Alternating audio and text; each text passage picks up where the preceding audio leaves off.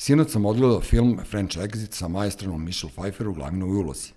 Film je rađen po noveli Patrika DeVita, ukratko radi se o ženi koja se bogato udala i posle smrti muža odluči da živi dok ima para i to u velikom stilu. Nije joj puno života ostalo, a ni novca. Još kao mlada tokom bračnog putovanja u Parizu odlučila je da je to grad u kome želi da umre i sa sinom se posle bankrota i smrti muža seli tamo u stan najbolje prijateljice.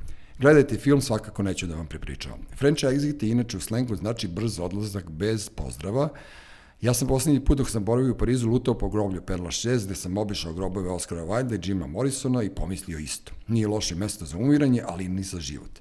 Imaju Eiffelovu kulu i Paris Saint-Germain, imaju i latinski kvart, Louvre, Disneyland. Zašto bi neko ko je živeo tamo poželao da se vrati? Maskum Podcast predstavlja Treći svet, vaš domaćin, Dule Nedeljković draga Ivana, Ivana Misilić, urednica u Laguni, e, gost današnje epizode podcasta Treći svet. Tebe je tako teško dobiti da, da dođeš da gostuješ da je to nemoguće, kao da, da si da, ono da. naš... Ne, ali dobro, to vi imate urednici te te fore da niko ne može da vas nađe kada Kako treba. Kako da ne, zato ti ja poturim za nekog dobrog gosta umesto sebe. ne, ali moram, moram priznati da si zaista ono imala super preporuke, ali pošto će ovo da traje, ja ne mogu da potrošim to brzo. Ja sam sve ljude koje si mi apsolutno poslala i koje si mi rekla da su zanimljivi kontaktirao, sve knjige koje mi ti kažeš da pročitam, ja sam pročitao, tako da ono, ne znam šta bih bez tebe. Jao, jao, kako hvala kako si, kako si? E, pa dobro, hvala, nešto je zima, stavila sam kapu. Dobro, odjednom. A si na sajmu? Ne. Dobro.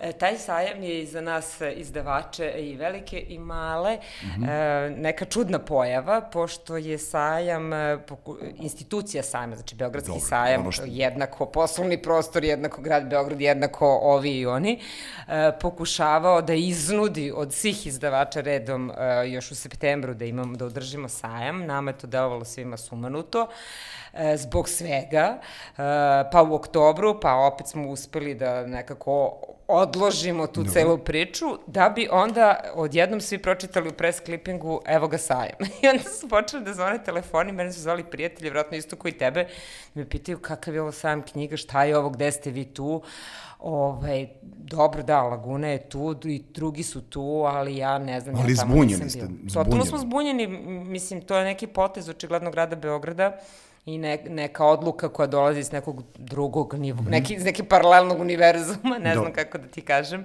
ali ovaj, to se nekako, ja ne znam da li ljudi idu na to, mene to zanima. Pa ja sam video sliku, danas nema nije žive duše. Eto, toliko ono kao video sam št, kako štandovi izgledaju na Instagramu, na, duše ne na nekom sajtu, neko je postavio iz izdavačke kuće i ovaj i onda je to potpuno završi prazno. Kao ono u domu sindikata, znaš, kad naprave e, kao pa, sajem. tako je. I mi smo mm. i mi smo pretpostavili da će to otprilike tako da izgleda, ni mi u firmi isto samo se malo gledamo ko šta je to. Šta je to? Dobro. Jer besmisleno je, ko bi sad išao na sajam, mislim sad, da li u oktobru ili u decembru, prvo sajam kao sajam ne može da se održi normalno, nikom nije prijetno, nik, nije ti prijetno ni ovako da uđeš u prodavnicu ili bilo gde drugo bez maske i ono čekaš samo da je skineš, da. a kamo li sad ideš na sajam knjiga kad imaš knjižare na svakom ćošku i kad smo svi pravili popuste i svašta. Ne, ali, ali ja imam informaciju iz prve ruke, ali ona da. najprvlje ruke da ste vi e, kao firma prošle godine bolje poslovali i pretprošle godine bolje poslovali,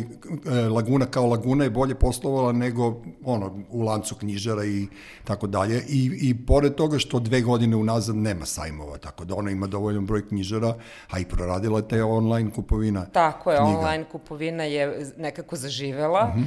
i ljudi su počeli da se naprivikavaju na to da neće niko da, ih, da, da im zloupotrebi karticu da. kad je iskoriste na, na ovaj webu, tako da, eto, to radi, hvala Bogu i sve je to okej. Okay. A ja ne kažem hvala Bogu, pošto ja najviše volim knjižare, tako da ja volim pa, da se šunjam po knjižarama i naš i nekako mi je to ono, kao naručujem knjige preko interneta, ja to mislim da nikad neću uraditi. Ali prosto ono kao začudi, veruj mi da sam se začudio kad sam čuo da, da toliko ljudi ovaj, kupuje knjige preko, da. to biraju i kao sad čitaju te preporuke, ali ja, ja dok je ne pipnem i ne omirišem, ja to ne računam kao knjigu. Pa da, ni ja isto, ali znaš ti ima dosta ljudi iz inostranstva ili Mhm. ljudi koji nemaju knjižaru u svom gradu ili im je neka, iz nekog razloga komplikovano da idu do knjižare. Sad neću da ulazim u to da li su oni pravi knjigoljubci ili nisu, Mhm.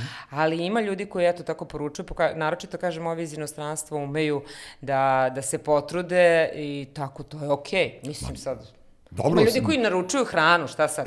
Ma dobro, na- pre neko veče, ono, ja, ja imam najveću frku da će me ubio, ovi glovo i voltovi, kad šetam kuće, to je ono, to je, to je ono sumanota ekipa i onaj dan kad je padao sneg, bio sam u fazonu, uh, nema ih, međutim ima, ono, štrika i majstori, tako da ono, ima i naš druga Raca Ilić, ima knjižaru, Jest. roman, isto koja je internet knjižara i on šalje to preko volta i preko glova ako naručiš, Pa da. ono, tako da stiže za pola sata. Ok, snašli su se svi ljudi i sve je to. Međutim, e, sad sam prolazio, kad sam dolazio vama pored Taša i setio sam se, pošto se mi znamo, m, upoznali smo se u stvari u Laguni kao Jeste, poslovni, 2010. poslovni saradnici, da. da. Imala si stomak do zuba i, do, i ono, ono, pobegla si na porodinsko, nismo ni odradili do kraja zajedno, ali onda posle sam i ja otišao, onda si se ti jedna vratila, pa drugi put vratila i umeđu vremenu e, si radila mnoge lepe stvari. Ja, ja sam, ono, kako ti kažem, tvoj veli, veliki fan, pošto e, nekako uvek radiš nešto korak napred. I radila si taj projekat e, Fit i zdrava mama, je li tako? Jest. I, i, i, I tad smo se sreli tu negde u George Washington, ti si išla ka Ziri, valjda tamo nešto si radila. Šta se desilo s time? Pa to, to, to je uh, bila ideja mo, moje prijateljice koja je babica, mlada babica bila tada i, i nije bila mama, bila je samo babica i ona je držala te psihofizičke pripremu, pripremu za porođaj koju sam ja pohađala i ona je htela u jednom trenutku da napravi kao nekakvu, ne, neku, neki dan uh, gde će se zahvaliti svojim polaznicama i kao dati im diplome. Ja sam rekla, uh, izvini, zašto bi radila nešto što je već urađeno, ajde kao da proširimo priču o tome, da privučemo druge, e, druge ovaj, buduće mame, pošto se to sve dešavalo u okviru nekog prostora, jedne ginekološke ordinacije privatno u Beogradu. I ovaj, ona imala svoj prostor i držala tu psihofizičku pripremu i radila u ordinaciji. Tako da je na neki način to bio kao neki joint venture. Mm -hmm. I ovaj, ona kaže, pa dobro, to bi bilo super, samo ne znam kako. I onda ja joj objasnim Onda kako, onda tu letim i nas dve se tu le, lepo spojimo i šest godina smo mi održavale e, dva puta godišnje e, na proleće i, i u jesen te radionice koje su bile besplatne za trudnice mm -hmm. i Dušica se tu toliko dobro pokazala u svemu tome, umeđu vremenu postala mama dva puta kao i ja, da smo, ovaj, da je onda uspela toga da napravi svoj biznis koji se zove da, ako smem, smem da kažem. Baby Patrol. A ne, znam ja za to. E, pa Baby Patrola to je ona, to je znači to je prirodni aha. nastavak e, ti, ti fit i e, zdrava mama pripreme, znači Dušica radi i pripremu i dalje za porođaj, ali prati i sveže mame i dolazim na kuću ako treba cela ono, naravno, pupak, bebi, mami, grudi, ono sve te Koliko je to bilo potrebno? Ja se sećam kad E, sam dva, zamisli. i ja sam dva puta postao majka. Ove, a znaš da su mene izbacili sa toga? Majke, ja sam išao na Zvezdari u, u U dom zdravlja, jel? Ne, u okviru te doma zdravlja ili već ne znam čega je bila ta ono, Da. razgovori i onda kad im je bila je neka onako nesimpatična osoba e, ovaj, i onda je ona objašnjavala ja sam se u jednom trenutku nasmio i rekao molim vas gospodine vi niste zreli da budete roditelji, izbacio me napolje, tako da ono onda moje, moja supruga iz solidarnosti izašla sa mnom, ali to je bilo ono klasično, ajde ono, f, f, f, kao meni to bilo presmešno, znaš, kao ljudi u tom nekom e, strahu od nepoznatog, naročito kod prvog porođaja, bre, treba pričaš normalno s njima, ne da, da ih E, pa ložiš da. tamo, znaš, kao taj, a ti imaš tu, ti imaš tu komunikativnost i, i verujem da je to uspelo, a znam, kažem ti, za taj projekat. Eto, Pa eto, da, mi smo se baš trudile ovaj, da, da, da, da ih edukujemo, onda smo imale tu i psihologa uvek, jedno vreme smo imale čak i advokata, odnosno pravnicu jednu koja je govorila o tome koja su ti e, prava kad se porodiš, ono, sad dobijaš za, za, pr, za koje dete po redu 300.000, je li tako? Pa ne znam, valjda, to je sad nešto najnovije. Znam da je Velja Ilić, pošto je meni čerka rođena 7. januara, Aha. i znam da je, Velja, da je Velja Ilić se slikao u Zvezdari, u bolnici i rekao ja sam dao svim svoj deci koje su rođene 7. januara po ne znam koliko love I ja sam bio u fazonu ovaj laže. I stvarno nije, niko nije dobio od nas. Ja. Evo ni Bojanina sobna koleginica koja je bila s njom, ni neke žene koje su se porodile sedmog dana, niko nije dobio, a ovaj seljak, Čačanski selo, ono je pričao tamo da je dao svakoj porodilji pare, tako da mi je Velja Ilić dužan pare za prvo dete. E. Tako će da bude i sad i sa ovima, ono, kao naš. Kao... Pa verovatno, mislim, ne znam, ne daj Bože, ali dobro, u svakom slučaju, ova nas je ob, objašnjavala i ta pravnica koja su ti prava kad možda otvoriš porodiljsko, kad ovo, kad ono, pa da. preduzetnice, pa cela ta priča.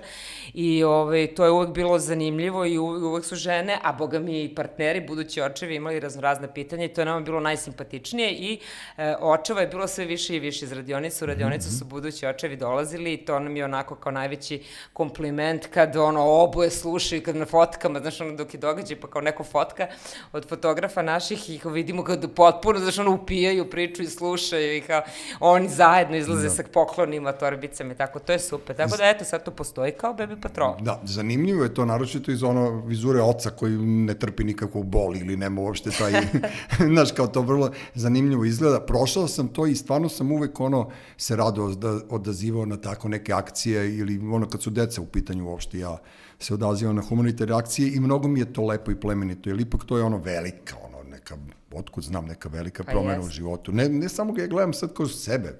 Znaš, mnogo sam se promenio, ja mnogo sam ozbiljniji. Da, da, da, ne bi se smejao na pripremi. pa dobro, meni je to sve bilo i, simpatično i naši ti epidurali i, i gospođe koja je ušla u porodilište pre moje žene koja je naravno imala taj neki mali zrak koja je govorila ja neću, ja neću. Oni su pitali šta neću i kaže ja neću da se porodim. Da, da. Znaš, ga uvlače unutra kao ono potpuno je odlučila da se ne porodi. Tako da ono, ne znam, ti si si sad to otišla, naravno, pošto si otišla dalje, ali ti si imala taj e, problem e, Srbije, e, porodilskog odsustva iz privatne firme, ili sam ja tu nešto pogrešio?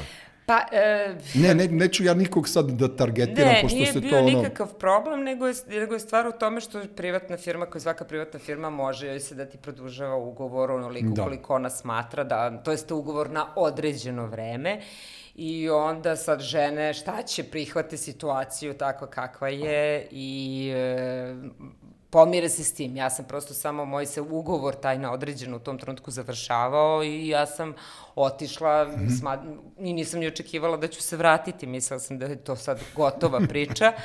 ali ne lezi vraže, ovo je moja prva beba imala četiri meseca kad su me zvali da se vratim i ponudili su mi nešto što stvarno nisam mogla da odbijem. Mm -hmm. I ja moram da priznam da, da taj, e, taj, ta moja druga epizoda u Laguni meni bila potpuno životno e, i profesionalno ve, veliko otkrovenje jer sam se ja tu potpuno našla u tom poslu operativnog urednika i tad sa mojih 36 godina sam mm -hmm. ja mhm. shvatila šta je neko zanim, šta je zanimanje kojim ja želim da se bavim. Ja sam se ti pre toga bavila raznoraznim stvarima prevodila sam i knjige i s knjigama sam bila od 99. E, 99. sam radila u Platovu, ja sam bila od te neke knjižarske ekipe. Dobro, ali ti si, ti si ono prevela prvog uh, Uelbeka, je li tako? Ili nisam nisi, prvog, nisam ali si prvog, ja sam kartu i teritoriju i mm -hmm. mogućnost ostrava, ali sam prevela prvog BGBD-a, uh, prvog objavljenog u, u, u Srbiji. Uh, 2000. kad sam otišla u Pariz, ja sam bila da svi u metrou čitaju 99 franaka, tada još nije bio euro. I pisala sam ove plato, pošto sam je redovno Banetu ovaj, Gojkoviću slala izveštaje kao evo ima ovo, ima ono, od knjiga i kao ajmo to da radimo, to je knjiga o marketingu.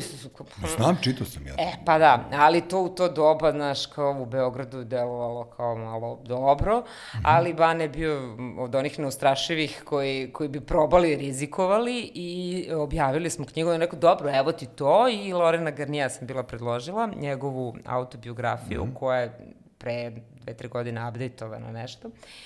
I o, rekli su, dobro, može idi, dogovari se za prava. Ja otišla, našla sve, izdogovarala. Rekli, pa dobro, sad, pošto si to sve uradila, sad uzmi pa prevedi. I onda je to meni bilo, ju.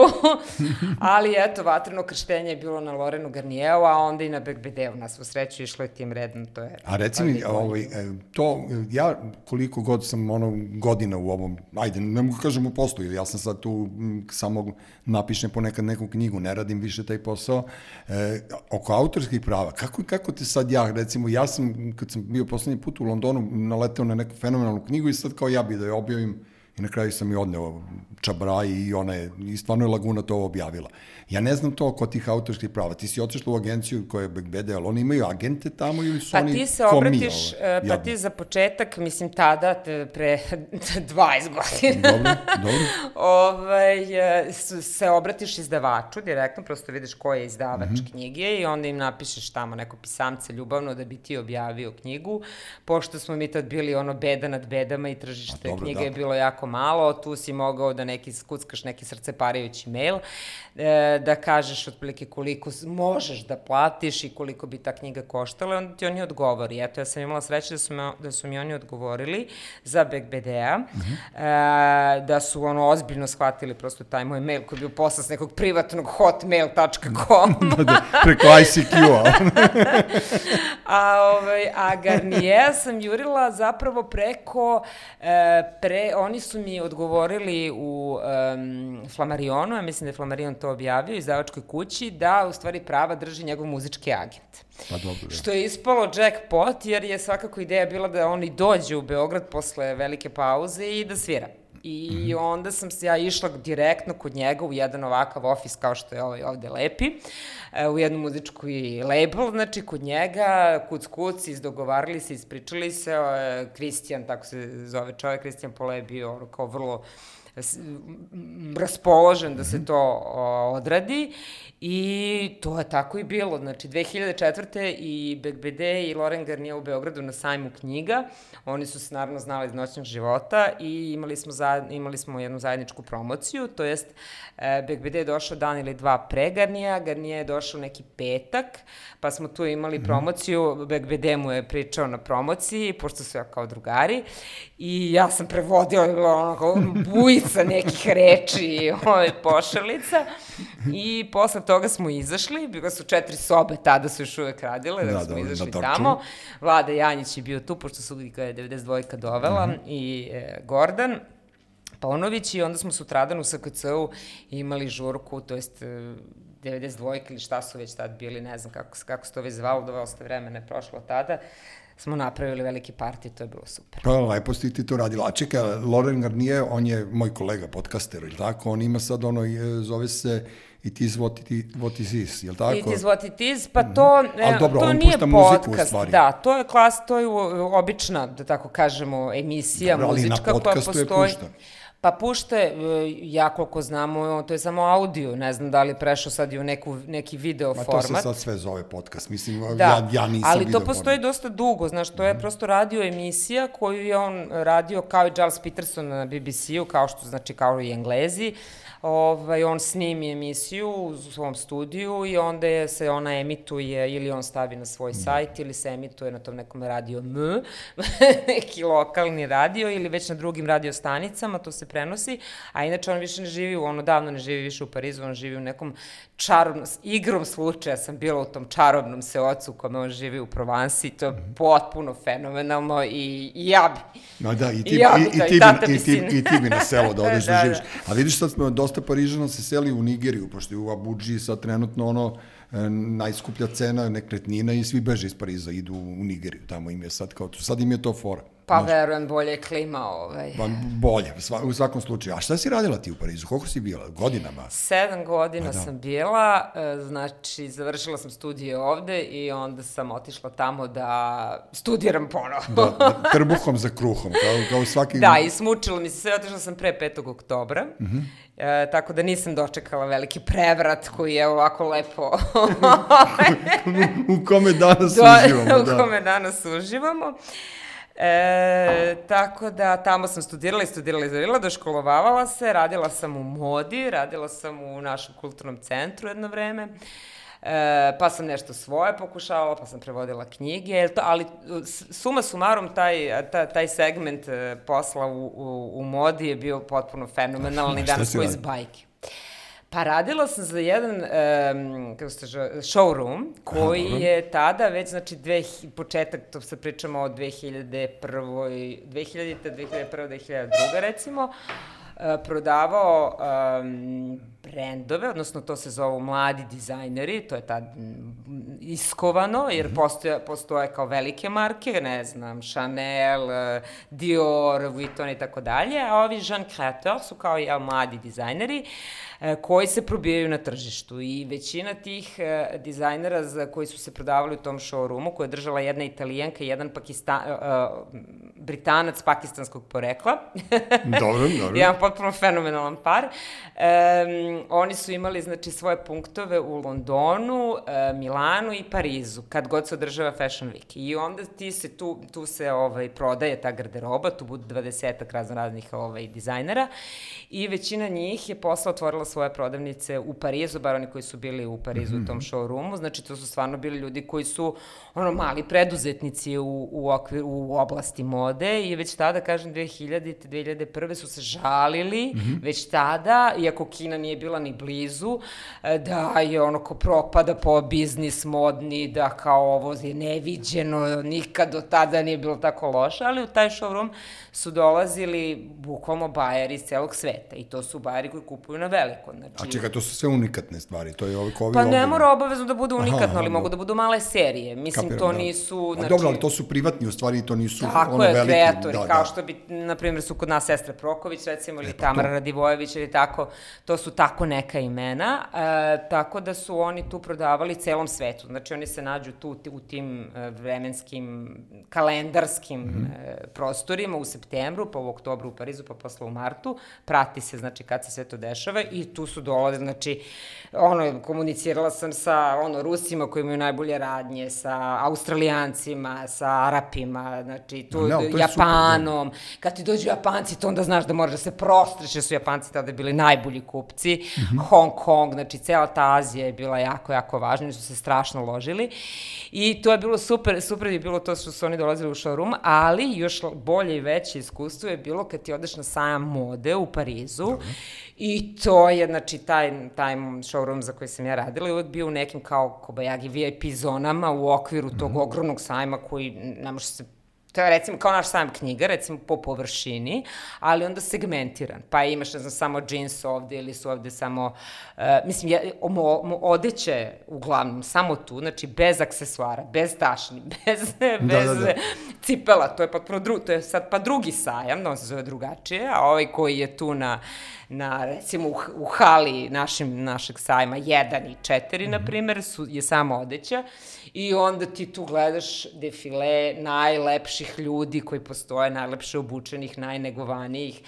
E, to, to je prosto spektakularno. Znači, ja svaki put kad sam išla na taj sajam, ono srce lupa, adrenalin, znaš, kao, moraš da se doteraš normalno, moraš da budeš ovaj, u skladu sa tim, sa, sa tim kupcima, jer ti prosto odaješ utisak. Pa sam ja tako prvo prodavala neka krzna, neke bunde za nekog Francuza sa ženom Nemicom. Ona je bila mala plava, ja malo kao mala crna i onda se stalno bilo neko takmičenje, kao ja uzmem pa probam bundu, onda ona vidi da meni bolje stoji ova bunda nego njoj, pa onda ona ona oče. I tako tu sam imala sjajan kurs ovaj, da. prepoznavanja krzna. ko bi rekao, ovaj, ne, ali ko bi rekao, ovaj, ja, ja tebe stvarno kapiram kao jednu vrlo ono, odmerenu i finu, ono, kako ti kažem, normalnu osobu koja ima onako na, na automatskom gasu si, onako stalno si smirena i sve, O, a ti, ti u stvari uopšte, ni, uopšte, ni, uopšte nisi takva. Ovaj, sve je zanimljivo za to, znaš, ti si uletela kao u Pariz u modu, ali neverovatno, znaš, ja stalno imam potrebu da te pitam, a zašto si prestala? Znaš, kao, zašto si se vratila iz Pariza, zašto si prestala da radiš u modi, zašto si da je otišla iz Lagune, zašto si, zašto više ne, dobro, to ću posle te pitam, zašto više nešto drugo. Čekaj sad, što kažeš, što, koje je prvo pitanje? Zašto sam Pa, otišla iz mode? Što si prestala to da radiš? E, s modom je bilo potpuno sumanuto. Ubili te jatovi se... stjuarti sa Ne, kineskom ma garderobom. ne, nego su se pojavili prevodi knjiga. I ja Dobro. kažem, e, slušaj, kako se već ona zvala, Alex, rekao, Alex, ja moram sad nešto da radim, meni je ovo, meni je to, to je moj fazon, jer može da bude pauza. I ona poludi i ono raskine sa mnom SMS-om, nema ni da dolaziš. Ona stvari htela mene da, pož, da, da, da ono upgrade-uje, a ja sam je ostavila, razumeš? I onda ona meni SMS-om poslala poruku, to mi je bio prvi taj ono, Raskid- da, raskid raskid. SMS-om u životu.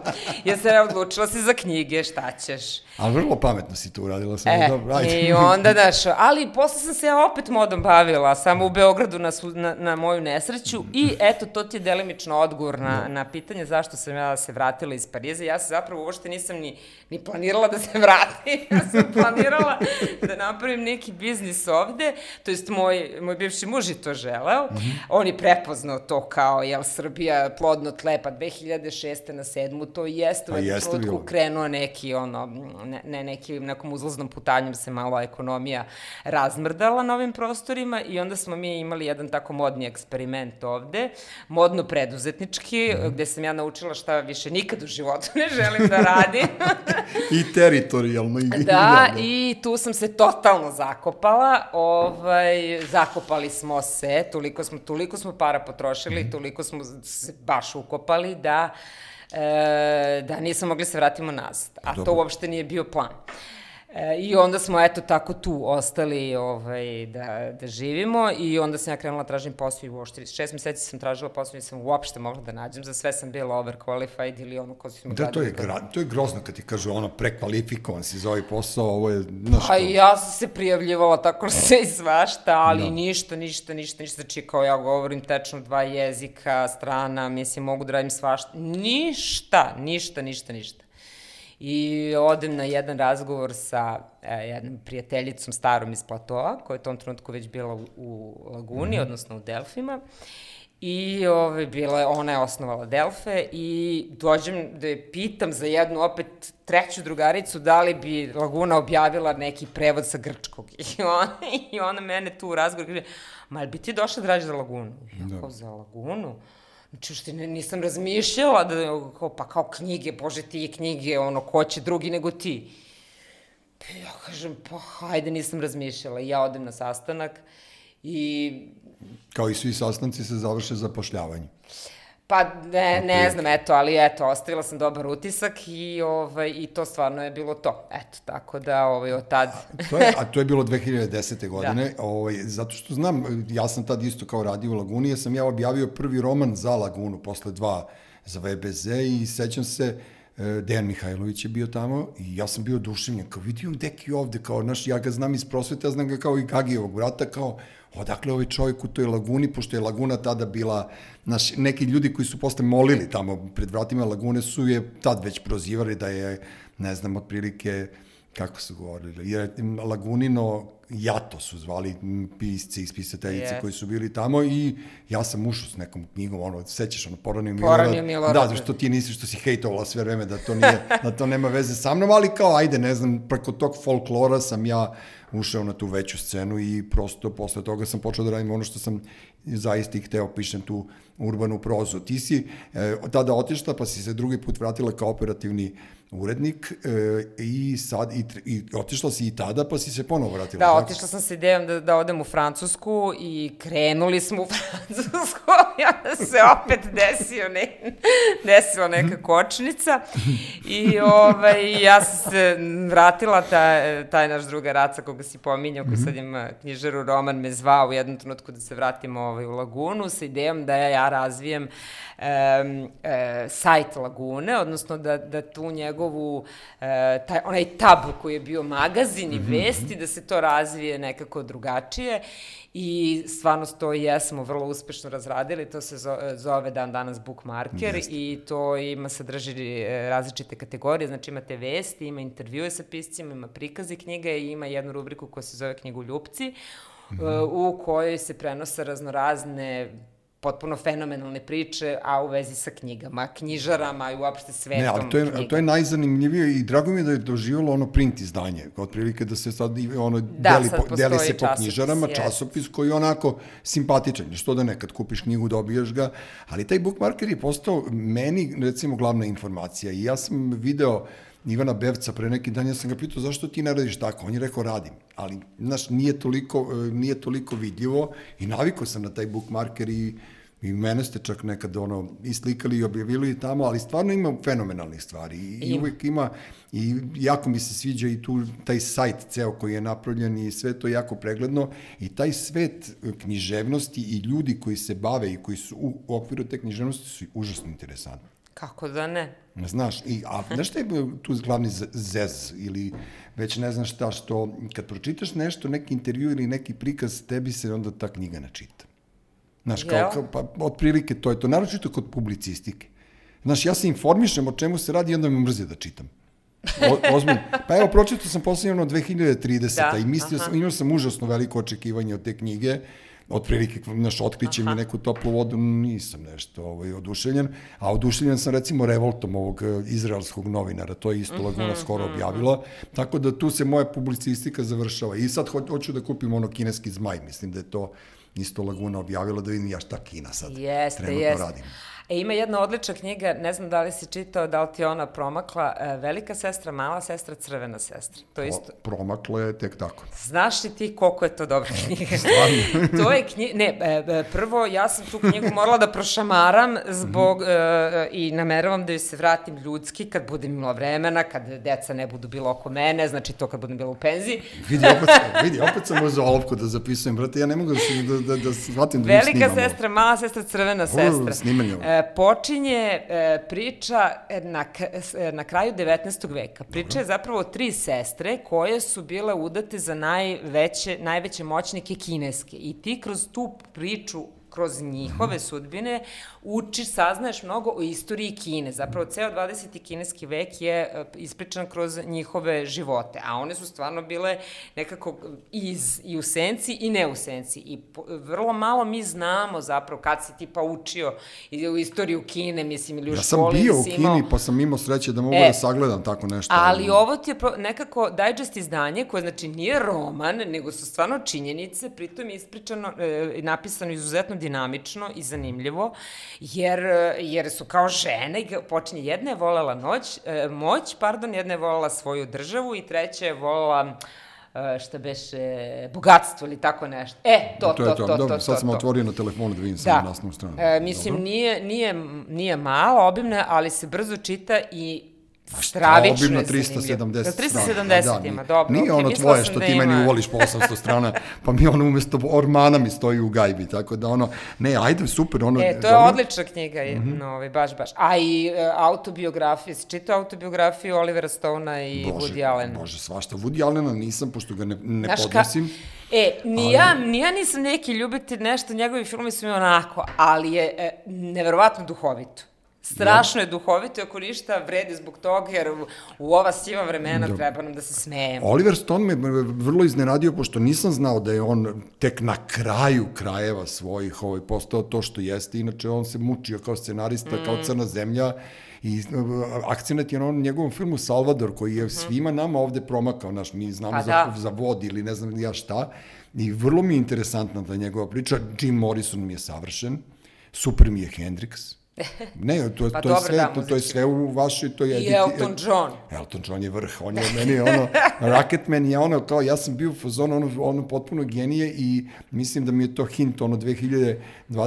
godine, njegova objašnjenje kako je kao gej postao vlasnik e, engleskog futbolskog kluba koji, čiji su huligani najgori na ostrvu, tako da ono, i kao ti čantovi što su oni njemu pevali kao, znaš, ono, otprilike kao mi smo kao šatro, ono, bagra, mi smo, o, ne znam šta, a gej nam je predsednik. Dakle, neke to fore, Elton John, onda pričao sam s Cukićem, Cukić to vama ovaj, fino Prevodi, da, da, da. John Lennon, recimo, je savršen i ono, prevodi. Ja to sve što govorim preporučujem vama, znam da ti ono nisi čitala, pošto ti... Pa ne mogu ja da stignem. E, pa, nemoj sad ja tebe da šamaram. Jesi šamaraj ti uh, Memed, crvena bandana i pahuljica? Bože, svašta, sve neke čudne naslive, E, tri sestre. pa, pa zato... kako, kako, Medmed, Memed, Dobro. me, u stvari Mehmed, ali Me- Memed, Me- Mehmed. crvena bandana i pahuljica. to je nešto novo. Semezdin Mehmedinović, to čak i nije novo. Autor je negde tvoja generacija, s To tim što je davno, da, to je, To je promaklo. Janjina edicija bez A. prevoda. Pa dobro, meni To je Janja sve... regionalna ona književnost, Pa da. Ja, ja sam veliki fan te edicije, tako da... Fenomenalna edicija. Mm -hmm. e, sva, svaka knjiga je bukvalno ono mali dragulj. Mm -hmm. e, odlična knjiga. Znači, e, on je čovek pesnik, e, Semezdin Mehmedinović, on je dugo živio u Americi i mis, ako se ne varam, relativno skoro se i vratio. I tu priča, po, e, e, e, Mehmed je jedan saj, prvi segment knjige, Crvena bandana drugi, govori o njegovom sinu, Mehmed to je on prva, mm -hmm. druga je njegovom sinu i treća je o njegovoj ženi. E, počinje time što je on doživeo um, srčani udar i, kre, i od toga m, pri, se priča priča i to je sva je knjiga u fragment, nekako iz fragment, u Fragmentima, fragmentima. dobro. Ali je prepuna poezije i ljubavi i to je toliko divna jedna knjiga da, da je ja svima preporučujem. Pa ne, ali vidiš ta edicija, evo ja sad gledam, ja, meni je potpuno... Žuto, crno. Da, evo je, ja sam, Et. meni je to protno, ta edicija bez prevoda, je, ne mogu da kažem da je nastalo zašto sam ja nagovorio Janju, ali pričali smo oko Ive kolege. Aha. Kada je Iva izdala je, onu njenu aha. prvu knjigu Srce tame ili Seme tame, da, tako nešto. Da, da, jeste. Ovaj, da. Mogu ljudi da googlaju pa nek nađu. E, ja sam bio u fazonu što ste preveli na srpski, Hrvaticu. Znaš, ja, meni ono kad Hrvatice pričaju, meni je to onako, znaš, neki fetiš, otkud znam kako da ti objasnim. I ovaj, Janja rekla, pa dobro, kao, ok, kao dobra ideja i onda su onda je Laguna počela da radi tu ediciju bez prevoda. Međutim Iva kolega je opet uradila roman koji je preveden na srpski i ne znam, to je verovatno neki njen. Ne znam da li je preveden ili Jest, ona tako pisala. Pa ne da piše je... ona tako, ona je original Hrvatica. Ne znam, tu je bio neki dogovor, ne, ne mogu da, da ne mogu ja ništa da vodio, tvrdim, Ja sam ali... je vodio promociju, ona priča potpuno Da li ona to. tako htela ili šta je tu bilo, ali evo, se mezni, pa tu je Jelvedin Nezirović, Jelvedin koji je bio... I njemu sam bio na promociji, e, sam ja da. govorio pa e, tu je i Čudo u poskokovoj dragi, pa, apsolutno dobro, fenomenalan dobro, to je roman. Ono, da, ali to je rekao reizdanje, ja smo mi Jeste, čitali ranije. Pa i, ovaj, pa i ovaj Memed, e, Crvena bandana i Pakuljica, da. i to je isto, mislim, knjiga koja postoje već neko duže vreme, sad ćemo mm -hmm. da mu objavimo još jednu, tako da ovaj, ima tu bisera koliko, koliko ima, hoćeš. Ja ti kažem, meni Janja Stjepanović, što je da. moja urednica i tvoja koleginica, ona meni često Izbombarduje. Ovaj, pa ne, i volim ja s Janjom da pričam, koji s tobom, znaš, kad je dobro raspoložena, to je ono jednom u, u 19 meseci, onda mene ona zatrpa tako naslovima, znaš, i onda sam ja ono prezadovoljan, sad mi je poslala, da li Ivančica, kako se zove, neki, ja, bože, ne mogu ja te naslove, znaš, ne mogu, to me zatrpaju. Adio kauboju ti je Adio kauboju, bravo, to je ono, e, meni to super. Meni je to pa super. evo, ja još nisam stigla do te knjige. No, A kad ti stigneš da čitaš, pošto si ti urednica, pošto si ti urednica u Laguni, znaš, mene stalno pitaju ljudi kao, znaš, neko ko napiše knjigu kao, ej, kao ti znaš ovo u Laguni, ja i pošaljem. I e, jednog dana će ti, Janja, morati da me vodite na ručak, večeru, doručak, spa centar, koliko sam ljudi ja skinu vama s vrata. Pošto ja znam da vi kad dobijete ono, ne znam, poziv, ono kao ja imam super roman, da vi ono, znaš, u tom trenutku mrzite to, tu osobu koja vam je saopštila, a ja ne bih da vam se zameram nikada u životu. Tako da, ovaj, koliko tebi treba da, da ti kad dobiješ rukopis, ozbiljno te pitam, ne znam se, da znam da si radila ono sa mnom, dve knjige sam ti ja slao ono u početku da. ili tri ili četiri, više ne znam, tebi sve šaljem, ovaj, koliko tebi treba da uradiš knjigu? I koliko su ozbiljno, koliko autori ozbiljno pristupaju tome? Pa to zavisi od autora, zavisi da. koliko je raspisan sam, znači koliko ima tu veštinu pisanja, zatim koliko je otvoren da, da te čuje i da te sasluša i da prihvati m, sugestiju. Uh, E, I onda to sve zavisi od toga koliko je on brz posle toga, da. znaš. Ima autora koji, e, koji mogu odmah to da prerade relativno brzo, ima autora koji predaju čiste stvari, ti kažeš ovde nema ništa, mislim to ti treba. Zavisi od toga koliko je dugačak tekst i o čemu u suštini ti ako se posvetiš jednoj knjizi, um, samo njoj, što da. je u teoriji. Što je nemoguće, što da, je u da, teoriji, da. samo govorimo o, te, o teoriji, znači to u praksi teško da ti možeš da sediš u izdavačkoj kući i samo jednu knjigu radiš, da. čitaš pažljivo i obeležavaš, tebi treba recimo nedelju dana, deset dana ti to pročitaš temeljno, da sve ono ispraviš, ja ispravljam slovne greške kad vidim, ono menjam Dobro, dakle stvari, da, taj, taj, taj, ja sam vrlo temeljna, radim odmah komentare, predlažem drugi, ono, stilski šta da se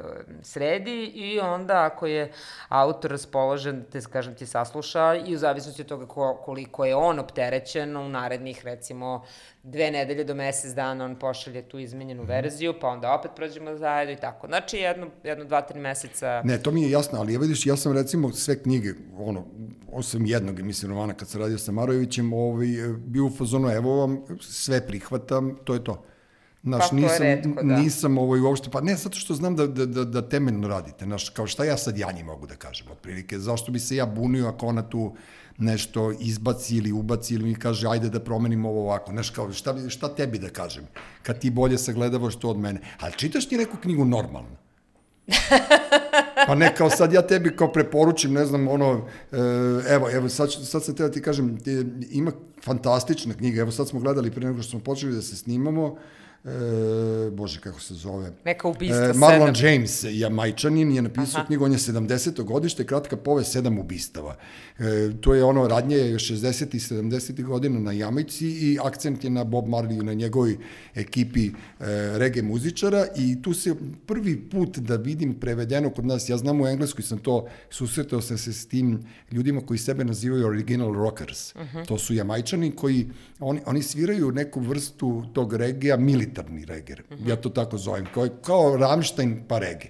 Znaš, i oni su sve neke koračnice, imaju rege koračnice i oni su bili ono kao zeznuta ekipa, oni su jedna od najgorih bandi svetskih i, i jako veliko stope, stepen nasilja je bio tada u tih godina na Jamajci, a te dredove njihove, oni su bili u stvari veliki fanovi Haile Selasija i i cijela taj rastafarijanski pokret. I uopšte ne znam, ne mogu da nađem još uvek ono način kako se to iz Etiopije prelilo na Jamajku i obrnuto i kao sve vreme želja tih ljudi da prežive do momenta da ne furnu sa Jamajke. I to je ono kao toplo ti preporučujem kad budeš imala i A kada je li to vremena. neki thriller ili nije thriller? Ne, to je ono, gde sedam, iz sedam lica se piše. Thriller, ja samim tim što za svakoj strani imaš po tri ubistva, a, niko, a nije thriller zato što ih niko ne otkriva, nema, Aha, ne to, razumeš. to, to, to.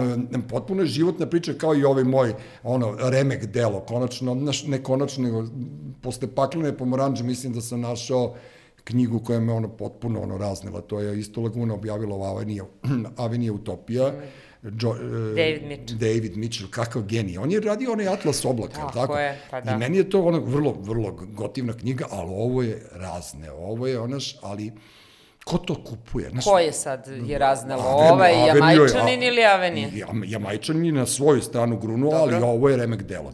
Mitchell je remek delo, Nisam pošto... stigla još, ali vrlo rado. Ne, ali ja nisam verovao. Pazi, to je svaku stranu koju sam okretao knjige, ja nisam verovao šta čovjek piše. Znaš, kao ono, sreo sam na ulozi u podzemni prolaz sretne Bovija, koji još nije Bovi, nego kao neki dečko ludačke frizure sa različitim bojom očiju, pa onda kao ne znam, do toga da gute LS, LSD sa Jerry Garcijom i njegovom Grateful Dead ekipom, pa onda priča sa Frank Zappom na žurkama, pa taj bend koji ono liči kao najkave bas, bubanj, e, gitarista i klavijaturistkinja. Potpuno iz njihove, sad njihove četiri životne priče ugruvava u bend i kroz bend proživljava taj period 60. godina i tu je otkrio jednu fantastičnu foru, to moram da kažem i tebi i ljudima koji slušaju ovo, da su postojale samo jedna godina slobode to vodimo ljubav, a ne rat. 64. je krenulo ka tome, 65. je bila ta godina liberalna, to je sve bilo, a 66. je već bila kada se sve to komercijalizovalo i otišlo k vragu.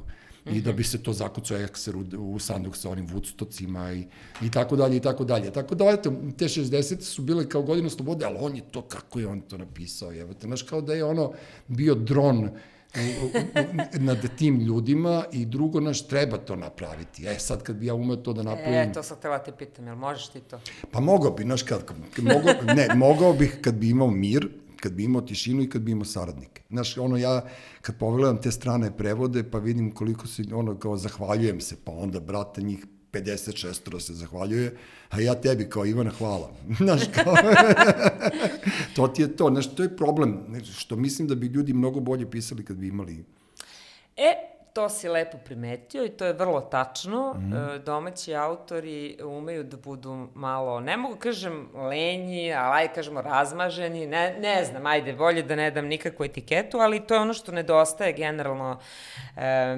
našoj, našoj prozi savremeno, a to je taj neki istraživački rad Just. i kad se ti baviš nekom temom, makar ona tebi bila donekle i poznata, e, ti moraš zaista da zagrebeš ozbiljno. Nije dovoljno što je tebi, ne znam, deda, ujak, stric, komšija pričao kako su go, ono, komunisti, e, nisi smeo da slaviš slavu ovaj, u njihovo doba, nego moraš ti malo ozbiljnije Moraš time, ti, brate, da, da se vidiš, da, pozabaviš i da vidiš kako je to izgledalo, a ne sad ta, ono, rekla, kazala, pa ono, kako ja to zamišljam da izgledalo, ne, nego, znaš, pa ipak se slavilo, pa, pa čekaj, stani.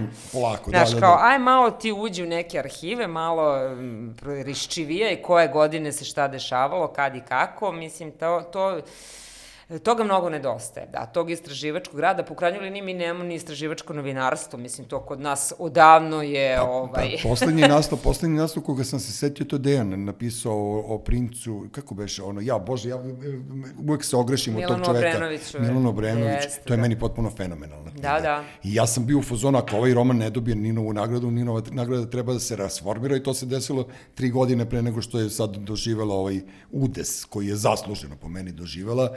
Nema veze koji su ono skriveni momenti iza toga. E, recimo, to je ta istraživačka knjiga. Jel, ja mislim da je čovjek napisao svaku rečenicu u tom romanu. Apsolutno, On je da. dobio neku istorijsku pod, Veliku potporu, građu, da. potporu da. Da, da, tako nešto napiše. Vlada Arsić ume to da radi, ajde da ga pohvalimo. On je Noć Arhanđela, to je isto ovaj, Laguna objavila. Mhm. Jeste, da. To je knjiga o prvom zaštićenom svedoku u Srbiji. To je onaj baja što je roknuo uh Mhm. -huh. Karađorđa i onda su njega izvukli i naselili su njega i njegovu porodicu u neko selo i onda ta priča kad seljaci kao vide novog komšije pa mu se ubije ćerka na grobu, aj neću da spojlujem, to, to su knjige koje ja volim. Mislim, Pa da, eto, kažem, to, toga, toga, fikcija se piše, eto tako, znaš, Da. po osjećaju, a zapravo, to što si lepo rekao, kao da, sam, kao da je Mitchell bio dron ovaj, u tom nekom vre, Ne, vremeplovu, da. i to je istina, da, to, to nam nedostaje. I uh, ovaj naslov koji sam ono, prvi put od tebe čuo i ja sam je pročitao dva ili tri puta tu knjigu, stalno je vukljam sa sobom na more, to je ovaj Edgaro Vega i Junke. E, ja moram opet da pročitam. Ti znaš napamet, ali ja ću da pročitam koliko god obećavala da ćeš da kuvaš i plaćaš stanarinu, popušila si, jer se Bill Bailey više ne vraća kući. I ti si meni kad si rekla da to postoji ta knjiga, ja sam mislio da me zezaš, ali, ali, ali zaista postoji knjiga s tim naslovom. To je ona velika, debela knjižurina. Cepanica, takozvana cepanica. I to je, ali to je tako dobar komad cepanice da ja nemam, Jest. nemam reči. I to je ista ta priča, ta slojevita, to što si malo prepomenula, kada idu kroz familiju i to je meni fascinantno. Ali to je neki fazon američki, to nismo mi, ono, ne znam, ajde, Boba Selenić to je pisao, ne znam, kao iz dve, tri porodice, pa Ćosić, pa ne znam ko još, ali meni su to žešće zanimljive knjige, ali zaista mislim da za to treba tinski rad, treba istraživački rad, treba vremena i treba, otkud znam, naravno da ti treba talent. Da, da, ne, ta knjiga je ono, pročitaš prve tri rečenice i već si onako Da. u njoj i ne možeš više da se odvojiš od nje. Da. I ta knjiga ima mali, mali možda minus što, što nije, nije prevod baš izbrušen, ali ni to nije strašno, jer je, to je jedan zapravo slik jednog američkog melting pota iz 70. godina i zapravo ja ne znam ni kako bi, baš zato što sam se i bavila prevođenjem knjiga, ne znam, ne znam kako bi prevela te dijalekte jamajčanske, kubanske, Pa, ovako, dobro. onako, to je jako teško. Tako da to ne može da se zameri, ali, ali i, i pored svega toga ta knjiga je izuzetna, izuzetna Da. ovaj, znači. Ne, ali to je ono, kažem ti, eto, sad kad bi se promenila literatura i, i čitale, ne znam, ono, lektira u školama i sve, ta knjiga me po meni trebala da bude neka nova saga o Forsythovima. Mislim, možda lupetam, ali, ali stvarno jeste, to je Jeste, to. Znaš, kao malo, ajde malo, pričao sam sa Bran- Brankom Anđićem prošle nedelje, on je izdao roman, e, izašao mu je tajna agencija Nove Jugoslavije Mhm. i baš smo pričali o tome, ja sam rekao, ono, ajde, ja sam kao mlađi kolega, znaš, nisam ni novinar, nisam ni pisac, samo jednu stvar, molim te kao Boga, nikad nemoj da pišeš u aoristu. I on je počeo da se smeje i onda, i, on- i onda smo bili u fazonu da smo mi ljudi aoristi, znaš, kao vidjek, pođ, pođoh, ugledah, Jao, znaš, jao, e, da. i onda ti zamisli, ja sad zamišljam tebe koje dobiš, ne znam, 300 strana nečega ili milion, ono, A, bilo skoro pre neki dan, prošle nedelje sam tako nešto sam te pogodio. ja sam pogodio, brate. Ali to je, ali to je stvarno da se šlogiraš. Ono, znaš, se kao, šlogiraš. zašto ljudi idu u taj arhaizam i zašto ljudi misle da, znaš, ko je, u stvari, ko je čitalačka publika kod nas? Razne. Znaš, ja znam da, da, da, da vlasnik Lagune e, želi naravno da bude komercijalno uspešan i da on uvek ima to potpitanje da se projektuje koliko može neka knjiga da donese prodatih komada. Mislim, to je naravno sa poslovne strane njegov posao, obiva njegova stvar. Ali na koga ti ciljaš kad objaviš Avini Utopiju? Ja ne mislim da će to da kupi 50 ljudi. E pa, Naravno, Razumeš? pa kupit će više od 50, ali Ne, naravno baš ta okej. mas produkcija ti, tih popularnih naslova koji se dobro prodaju nam i omogućava da možemo da, da štampamo jednog, mislim da prevedemo i objavimo jednog Davida Mitchella ili jednog Eduara Luja koga, koga smo isto objavili, francuzi, tako te neke, ili Saramaga celog, Da, sve, što je da. stvarno ono ogroman bio poduhvat. Tako da, ovaj, na svu sreću, eto, vrt, vrti se to Mhm. i možemo da objavljamo, jer je Laguna, tada kad smo se mi upoznali tija 2010. i 2020. je napravila ogroman, ogroman, ono, džinovski pomak, mislim, koji je u svetskim razmerama veliki. Znači, mi danas objavljamo, zaista imamo katalog izdanja koje su za za divljenje, tako da ovaj, od kuće koja je onako skromno počela, Da, da, znamo svi kako je krenula, sa Thierrym sa Pratchettom, da, pračetom da. i, i tim komercijalnim izdanjima do toga da ti danas imaš zaista ogroman izbor i da eto, vladaš. A dobro, ja sam lepo, ponudom. ja sam lepo to objasnio u svom romanu, ono, glavanja, kad glavni junak priča sa vlasnikom izdavačke kuće, ono, glavanja i gluvanja.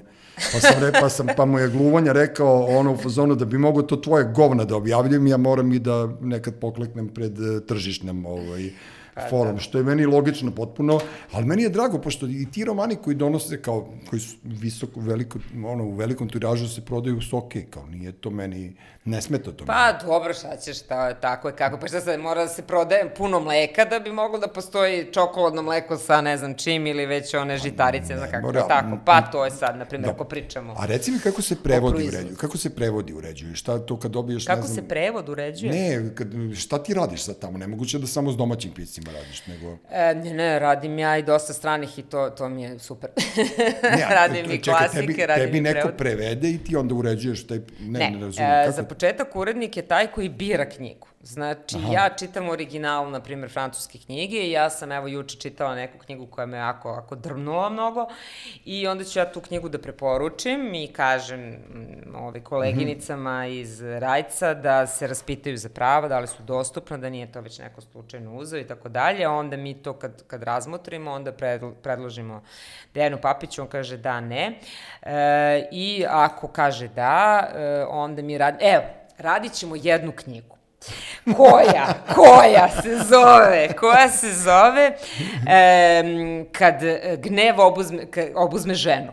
Ili kad, gne, kad, že, žene, kad žene obuzme gnev. Divan, kad ženu obuzme gnev. divan, jasno. Ona je na francuskom se zove besne žene, ali to besne žene to je bilo bez veze. Ali ovo kad ženu obuzme gnev.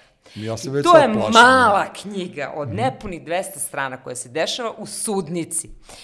E, po njoj je snimljen film, možda je već i krenuo u Francuskoj, ne znam, mislim sve se danas radi nevjerovatnom brzinom. Knjigu je pisao muškarac od 50 i kusur godina, a knjiga govori isključivo o ženama, o osveti jedne žene. Ja ne smem da spolujem, zato što je knjiga Nemoj e, da na, iz strane u stranu znaš što se dešava. Znači, ja sam tu knjigu pročitala i rekla sam, ovo! Onda sam onako sva egzaltirana kao što sad, evo vama pričam. Mhm. e, pričala o tome koleginici i sam rekla, wow! I rekla, a ne smem da vam otkrijem kraj. A Dunja je rekla, moraš, ja moram da Moram da ispričam kažem. gore. A, kako ćeš da čitaš knjigu onda? Ukratko, ovaj, knjiga kupljena su prava, brzo, i knjiga će da počne da se prevodi sad u januaru. Ja sam našla prevodioca. E sad, to, A kad me što pitaš ti ne kako- prevodiš? Zato što nemam 500 života, ja to dobro, što ja dobro. sedim, ra, bi ja, htela sam, Da, to je da. knjiga baš za mene.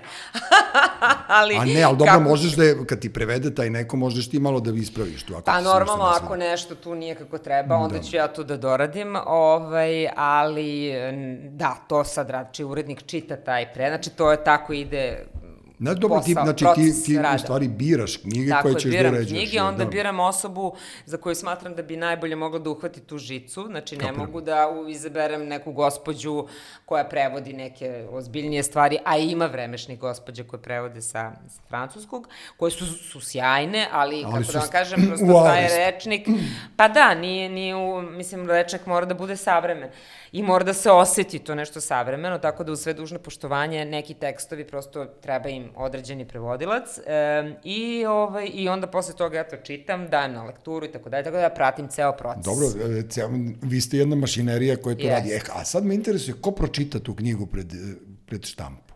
Pošto nikada nema ni jedne greške. Je, ako se nađe u sto knjiga jedna slovna greška u laguni, I E, znamo pa svi hvala kako, kakvu reakciju to izaziva ako se nađe slovna greška u Hvala laguni. ti na tome, jer ima ljudi radiš. koji, koji, ti znaš da ima ljudi koji nama šalju mailove i broje nam greške? Znam, brate, ba, da znam, zato što ja, ja sam našao u jednom svom romanu grešku, ali nikada nisam rekao.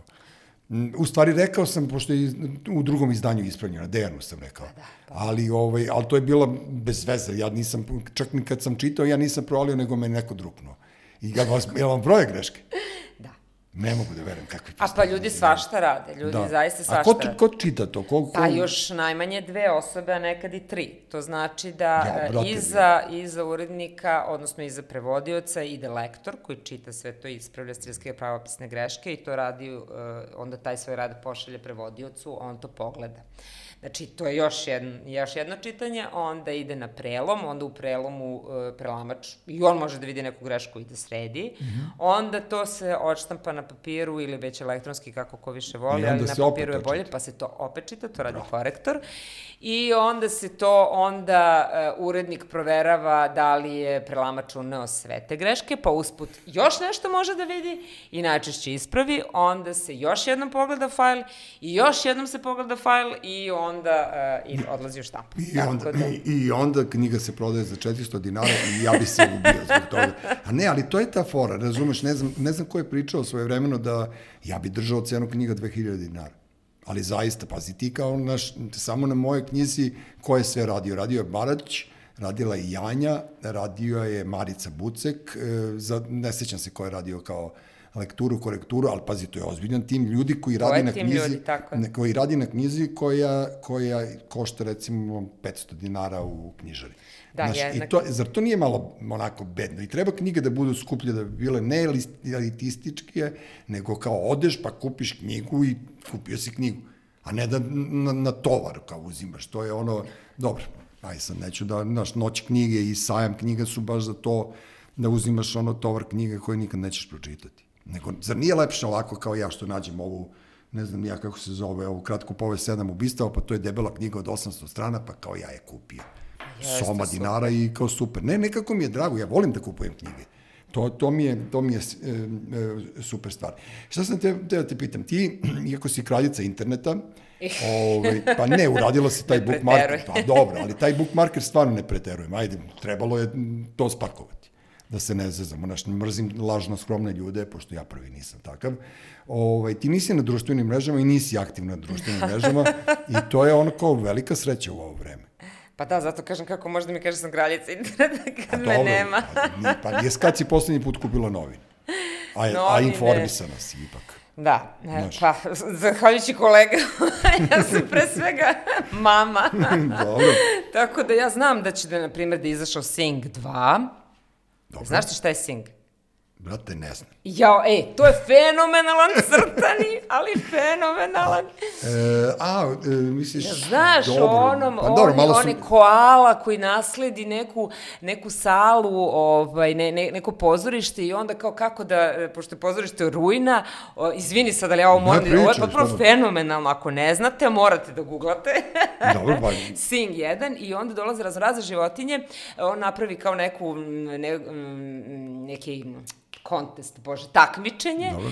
E, I onda oni pevaju i sad ima neka slonica koja je sva, znaš, ono kao, ovaj, e, stidi se, pa onda ona Mhm. peva, pa onda ima neki miš koji fenomenalno peva, koji ja mislim da peva ovoga bre, Elvisa Prislija, ali, ali to su naj, najfenomenalnije muzičke numere i to je, znači, a naravno svaki od njih ima neku svoju priču i oni svi pokušavaju da spasu to pozorište, pa se ispostavlja da će to propasti, neće propasti i tako dalje. Potpuno fenomenalan zaplet, potpuno fenomenalne muzičke numere, jedna prasica, jedna keva isto, tako koja ja sam što on ima gomilu neke dečurlije, koja o, uzme, pa ja sad više ne mogu da se setim koje su to pesme, to su uglavnom neki hitovi, ali nisu hitovi ono, ne znam, Lady Gaga i tako te neke odvrtne stvari, nego su ili, kažem ti, Prisley, ili Elton John, ili... Pa dobro, e, gađaju nas starije roditelje. Da, da, da, da, da, da, da. I, ovaj, I onda, um, i sad izlazi drugi deo, ja sam jako uzbuđena, jer kad su mi deca rekla, izlazi Sing, da, idemo da gledamo.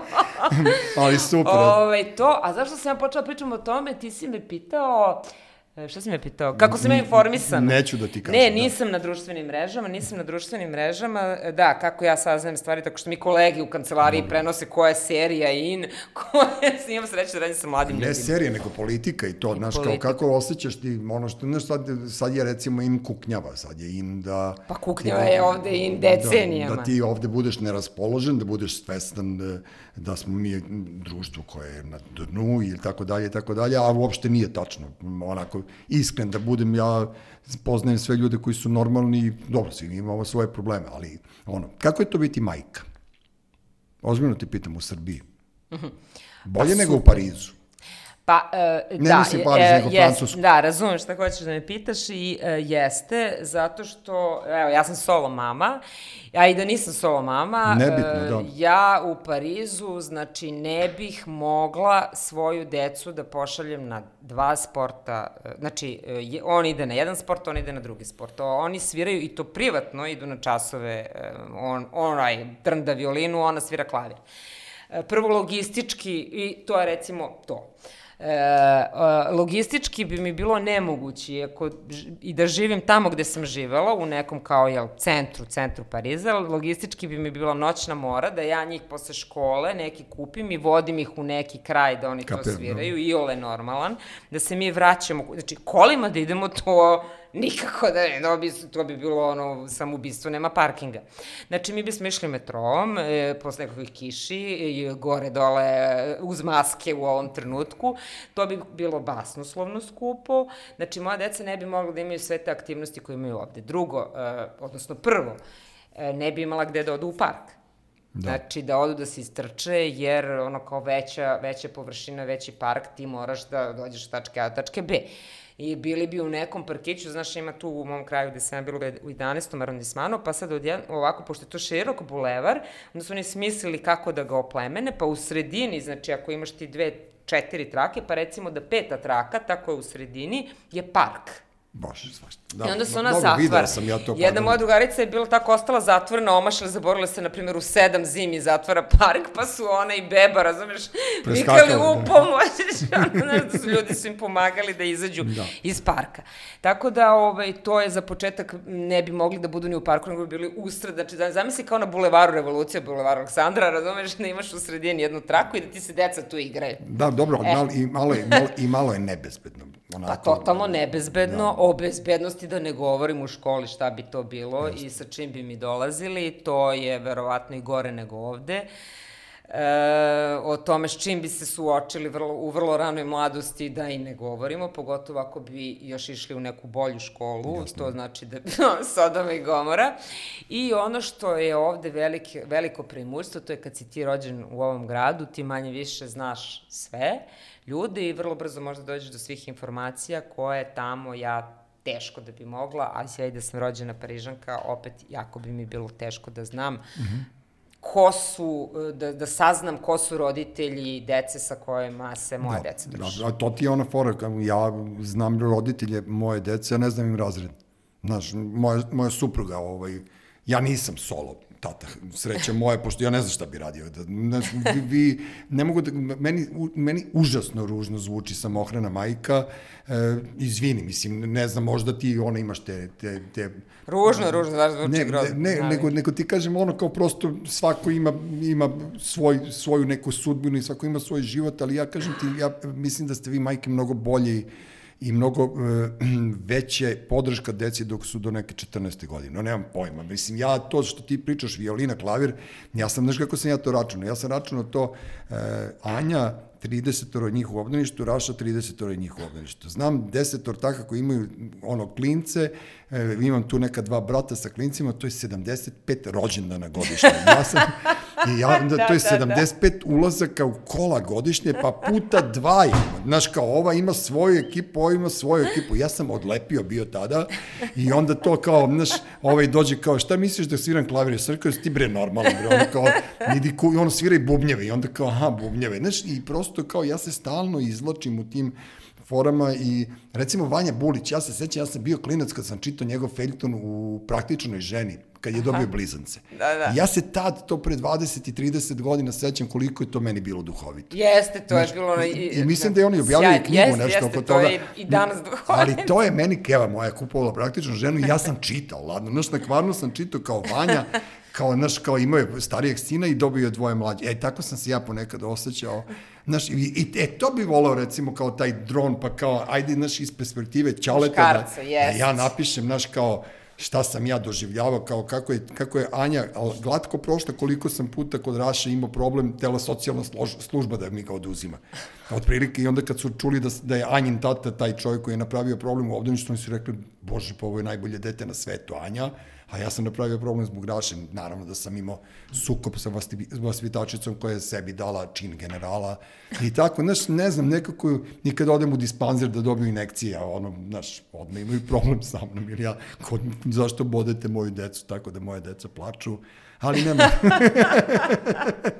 ne, nema veze. Reci mi, ti si sad, e, ono kao, ranije naravno zovu te ljudi, ma, i meni je jako drago da ti nikom ne javljaš i ne želiš da gostuješ nigde, osim kod svojih drugara, vidio sam te kod Ivon, recimo ti Ivon Pre negde 100 pre 100 godina. godina na studiju B, um, ti si uvijek govorila, preporučivala knjige. E sad, kad sam te ja poslednji put pitao, šta da čitam, ti si mi rekla da uzmem Jonathana Safrana Fora i Aha. onda si ti njega meni rekla da je to pisac vaše generacije. Ma koja ti generacija bila, ja ne znam da sam ja toliko stariji od tebe. Ja sam 74. Pa dobro, 10 godina. Klink. Da, Klink, da, da, da, klinka. da. Ne, ali kako, zašto ti je Jonathan Safran Foer pisac vaše generacije? Šta, ja, e, e, da, ja sam pročito sve osvetljeno i mene to smorilo, onda je zato je verovatno pisac tvoje generacije. Mene to smorilo. Aha, sve je osvetljeno si uzeo. osvetljeno, Aha, da. em, Znači, da. promašio sam naslov, a? Ne, pa nisi promašio taj, e, da, dobro, tu sad moja, moja generacija, tu ne znam baš koliko se to vidi, da li moja, ne, meni je bilo zanimljivo zato što je to on neko koji je, eto, kao mojih godina, ali je jako snažan glas. I sad ja sam Mhm. to sve osvetljeno čitala jako davno. Dobro. E, možda sam čitala pre 15 godina, kad je on, znači, A imao... red, redko koju knjigu ja tvoju da ne pročitam, koju mi preporučiš. E, a, a ova jeste um, atipična malo zato što ima tu dosta nekog folklora Ma ne, i malo neke da, da. fantastike i ono malo je ta knjiga pomera, meni se to mnogo dopalo tada i smatrala sam da on je izuzetno zreo, mislim, neko ko je vrlo, vrlo zrelo piše, a onda sam čitala, um, e sad, Dobro. drugu, drugu jednu Googlajte, knjigu koja da, je, da, koju je Geopoetika i- i- isto objavila i e, tu, ta zrelost je Mhm. tu mene potpuno kupila, jer je to opet priča u priči o jednom dečaku koji pokušava da, ko, koji je izgubio oca, sa otac mu je stradao 11. septembra, Mhm. e, u, kad su jel, ove kulebne znakinje srušene i on mm, nekako pokušava da sazna neki ključ, našao neki ključ i nekako ne, neko pokušava da napravi neki, neku vezu sa ocem i da se, da se sa sobom poveže i onda nailaze nekog dedicu i onda oni počinju da istražuju, traže nek, ta neka vrata, nije ni bitno, e, šta je ono što je naj, u, u centralna priča zapravo, glavna priča o, o tome ko su njegovi preci, odnosno o jednom dedi koji je bio zaljubljen, koji je e, bio je, jevrejin za vreme drugog svetskog rata u Evropi, on je zaljubljen u jednu ženu, e, sto, ta žena gine i e, njena, njena sestra preživi i on, pošto je bio toliko zaljubljen u, u ovu sestru koja je umrla, e, pritom cela ta priča o tom umiranju i to je isto nešto jako tragično i onda se on sa ovom ženom m, venča, da bi jel, kao imao neku vrstu su, substituta i onda je zapravo ta njihova veza tako fenomenalno opisana jer ona, e, da li ona gluvo nema i onda u svakom slučaju na njoj na dlanu piše da i ne i oni se tako sporazume, ma mislim jedna priča potpuno da se, da se naježeš mene to nekako bilo strašno pogodilo u trenutku kad sam to čitala i, ovaj, i ta zrelost zapravo njegova i da, da neko ko nema, nije znači to prošlo u svom životu, nije napunio ni 40 godina kad je to napisao, mene to fasciniralo. A, knjiga prosto. se zove Izuzetno glasno i neverovatno blizu. Tako je. Eto, dobro, dok si ti pričala, ja sam googlao, tako da, Da. da ono, u, uglavnom našli smo i naslov, onda si mi rekla za korekcije, A, koje, Fenze? koje su me potpuno ono, ovaj, Jeste. razbile. Pa i to je Či- porodični roman. Jeste, naš, ali ja volim to, tata, mama, Da. dva sina i u sredini čerka. Jeste. Meni je to nekako onako super mi je to ono,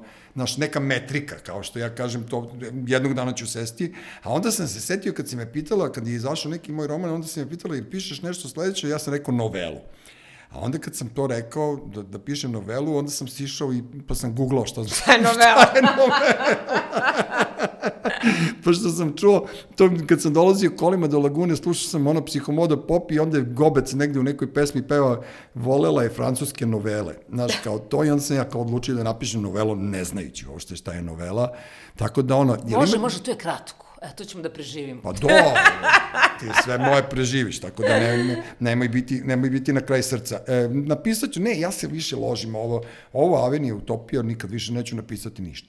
Mislim, prosto... Dobro, i to je fair, pošteno. Ne, ali, pro, pro, ne, ali kad vidiš da je neko tako nešto, šta ja tu imam da, znaš, mogu da pišem o kako, kako, kako, kako je utice Ramonsa na mene. Otko znam, u Tarzaniju da se prijavim da pišem one njihove priče. To si ti imala ono, zašto je ti knjiga bolja od dečka, a? Jesi ti radila to? Nisi. Možda, nemam pojma, svašta sam ja Zašto? radila. Zašto je A knjiga- jeste, to je bio tekst. U, Zašto je knjiga bolja od dečka? Pa da. Ko je ti ono? I zašto se ne treba udati za pisca? A, zašto ne te? Pa dobro, E, pa bio je spisak na školki. Pa šta, pa aj sad reci to moje ženi. Ali dobro, ja nisam pisac. Pa nisi ti da, pisac, da, fu, da, da, nisam. daj. A šta je pisac? Ko je pisac ovde uopšte?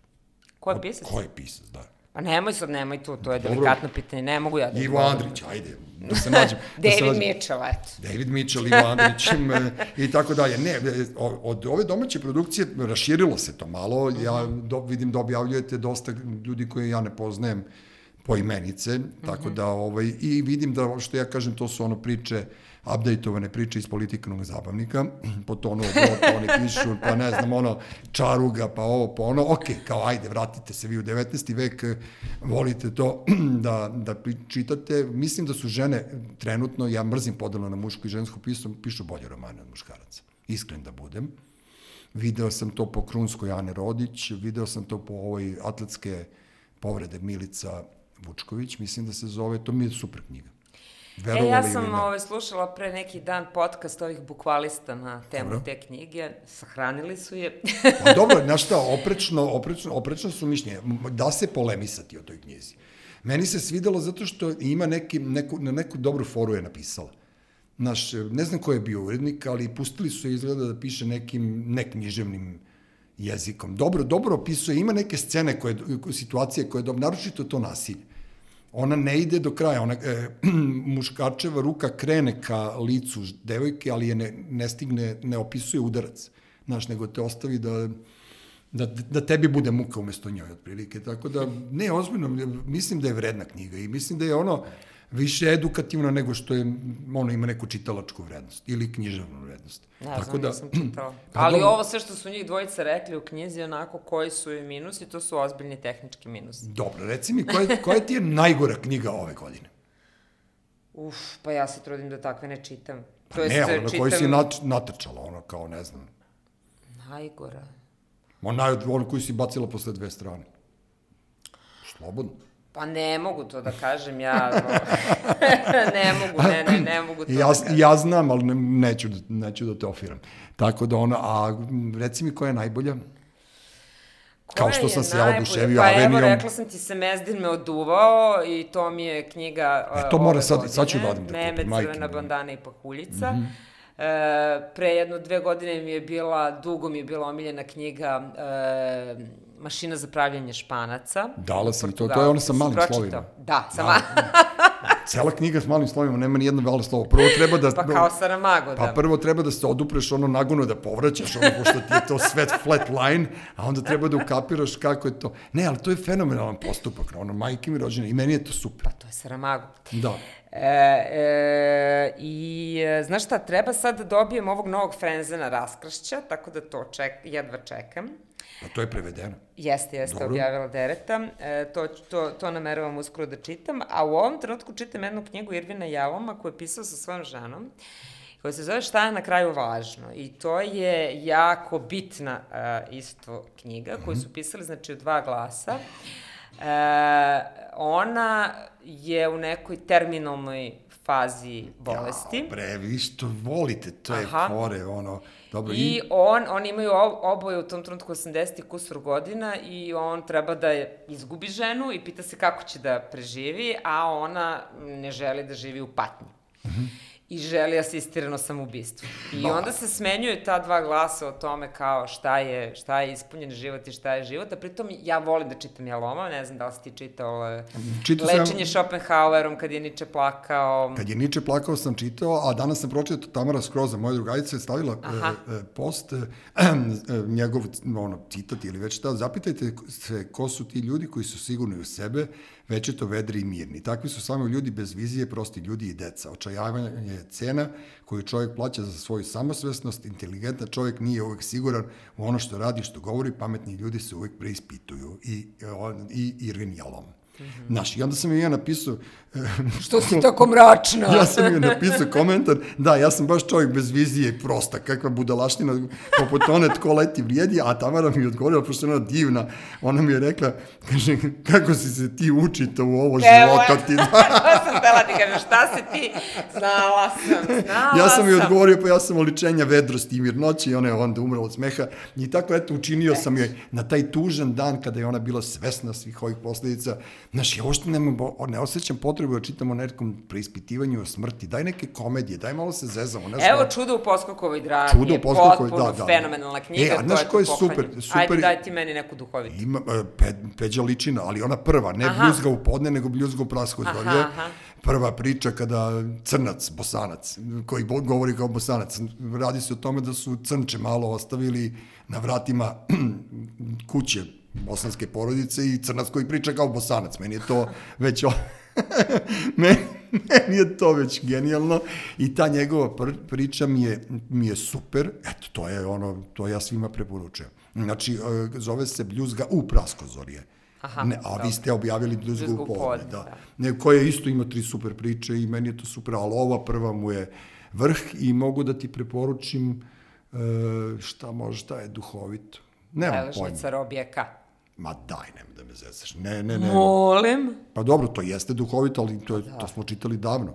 Pa dobro, može se obnovi gradivo. Ne znam, Crnog ustara. Otkud znam? Na, ne, ne mogu sad sa zbunjen, jako puno čitam. Ja u poslednje vreme ono, čitam bar jednu knjigu nedeljno i onda meni tu kao prepuna mi je glava informacija i počeo sam da izbegavam domaće pisce, pravo da ti kažem. Ne znam zašto, ne, ne, nešto mi nije, osim te edicije vaše, gde su Hrvati, Makedonci, Bosanci, meni je ovo to super. Ali ovi naši su mi počeli da mi budu strašno dosadni. Nemam pojem, ne znam, ne znam zašto. Ne, ne, nemam ja tu sujetu, ljubomoru ili već nešto, pošto ja stvarno ne pripadam to svetu, nego naprosto nekako to je sve neki krug, kao neki hrčak, sve se vrti u krug i ono, ne znam šta. Ivana, da te ne davim mnogo, pošto si ti ono, pre svega, osoba koja vodiš računa o svojoj deci i koja si osoba koja ne želiš da radiš bilo šta van rad, radnog vremena.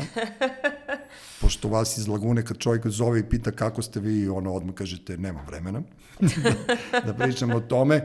Ovaj, želim ti sve najbolje u novoj godini, ovaj, da radiš zaista ono što želiš da radiš, da nijednog trenutka nemaš muku u životu.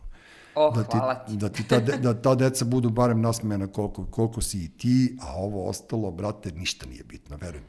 Tako Hvala da ono, znaš, i, i volao bi da ona moja stara, stara e, fora, možda ti to ti se ne sviđa ili ljudima se ne sviđa, želim ti da odeš iz Lagune. Tako da ono, neš, naprosto mislim da, da su tvoji dometi mnogo širi i veći, ali neka, neka ostane. Znaš, da, što bi rekli babe, da ne diramo. ne znamo, neš kao ne znam, nekako, nekako, naš, više, sad kad si pričala to za modu, nekako bi ja volao to, da imaš neku svoju knjižaru, neki svoj showroom, da malo tu, malo više Polako. komuniciraš sa ljudima, znaš, i to. Pa možda i bude nešto. Jel ti se nije žao što si otišla s bookmarkera? Da nisi u dnevno toj, tom okretu? E, pa da, nedostaje mi malo ta, ta, ta dinamika i to rudarenje za informacijama, ali dobro, mislim, sad je ovo nešto drugo. Ja volim promenu, meni, meni Da. ja sam od onih što ono, malo dosadi mi nešto, znaš, Pa zato ovaj, ti pa kažem, volim zato, promene, zato sam ti da rekao, želim ti ovo, ne, ne mislim ovo konkretno na kuću ili na, na posao koji radiš, nego želim ti te promene, dobro si ti u tim promenama. Da, da, hvala. Ume, umeš ono, pa ne, ti ideš Plivom, ono, plivom. ili, ili si na vrhu ili se olupaš o, o zemlju. E, samo da te pitam jednu stvar ovako, javno, jesi pročitala moju borbu svih šest tomova? Pošto, Nisam svi šest. Pošto Pazi, si zdušno preporučivala, tako. Pročitala sam prvu i on kao, pa dobro, nije ovo. Pročitala sam drugu, oduševila sam se drugom, baš, baš. I onda sam počela treću i kao, a, ne A mogu. znaš kako sam ja pametnije to uradio? Ja sam pročitao prvu i šestu. Pa dobro. I to ti je to. Da oni, ne, o, e, ali u šestoj on u stvari objašnjava E, šta je nisam radio čitala drugo. Ferrante, znači nemam pojma, ne mogu, to Ma nešto mi ne... što? Pa ne mogu, bre, da nemam života za šest knjiga, bre, mislim kad. Da, da, da, pa dobro, znaš to. Ali, ali trebalo bi, mislim, se informišem, ali eto. Pa, Ne. dobro, e, a znaš koga si promašila? Mm, Bevc je to objavio, Verže de Pen. E, Vernom Trodom ili su Hrvati su to ono su, su, Jeste, su tako da, nešto. da. To je meni potpuno genijalno. Rekao si mi, da. Da, rekao sam, ali to je isto troknji, troknjižno, ti to ne bi... Pa ne mogu da života. stignem. Da, ne, ne, Ne može, tebi, života. tebi jedno, jednostavno mogu samo da kažem, aj pročitaj mail, ono kratki, jer pa sve, sve duže od toga ti izaziva ono kao napad panike. E, hvala, ti, hvala ti što si gostovala kod, u podcastu, ako hoćeš još nešto da kažeš, ti slobodno reci, a ja sam te sve ispitao. Što mi je- Hvala tebi na pozivu, Da, bilo da. je super Da. i vidimo se nekom sledećem prilikom. Naravno, ne, a videla si sad da funkcioniše ovo na neki način, da ne moraju kamere, da ne mora ništa. Znaš, nekako mi je ono drago da, da prikažem to. S nama je bio Uroš Bogdanović, čovjek Fahrenheit 487. Izdržao je, izdržao je. čovjek koji je ono preživeo ono plamen i, i vihor plamena i tako ono kao čućemo se i, slede, i u sledećoj epizodi. Danas je gošća bila Ivana Misrlić, urednica u Laguni, sledeći put možda bude i dalje urednica u Laguni, a možda i, možda i, možda i, i kraljica i predsednica i pitaj Bog, možda se dobro udaš konačno, ono, naš, bogat. Prošli put si promašila datum, to moram da, Da, da kažem. da, da, Znaš da je da. njen muž rođen isti dan kad i ja. Tako da ono, moglo si odmah da, da, se ne udaješ. pošto, pošto si videla s kakvim ćeš evo, ono, o, čovekom da imaš posla. Nema veze, ljubi decu pa se vidimo. Hvala takođe. Treći svet. Treći svet.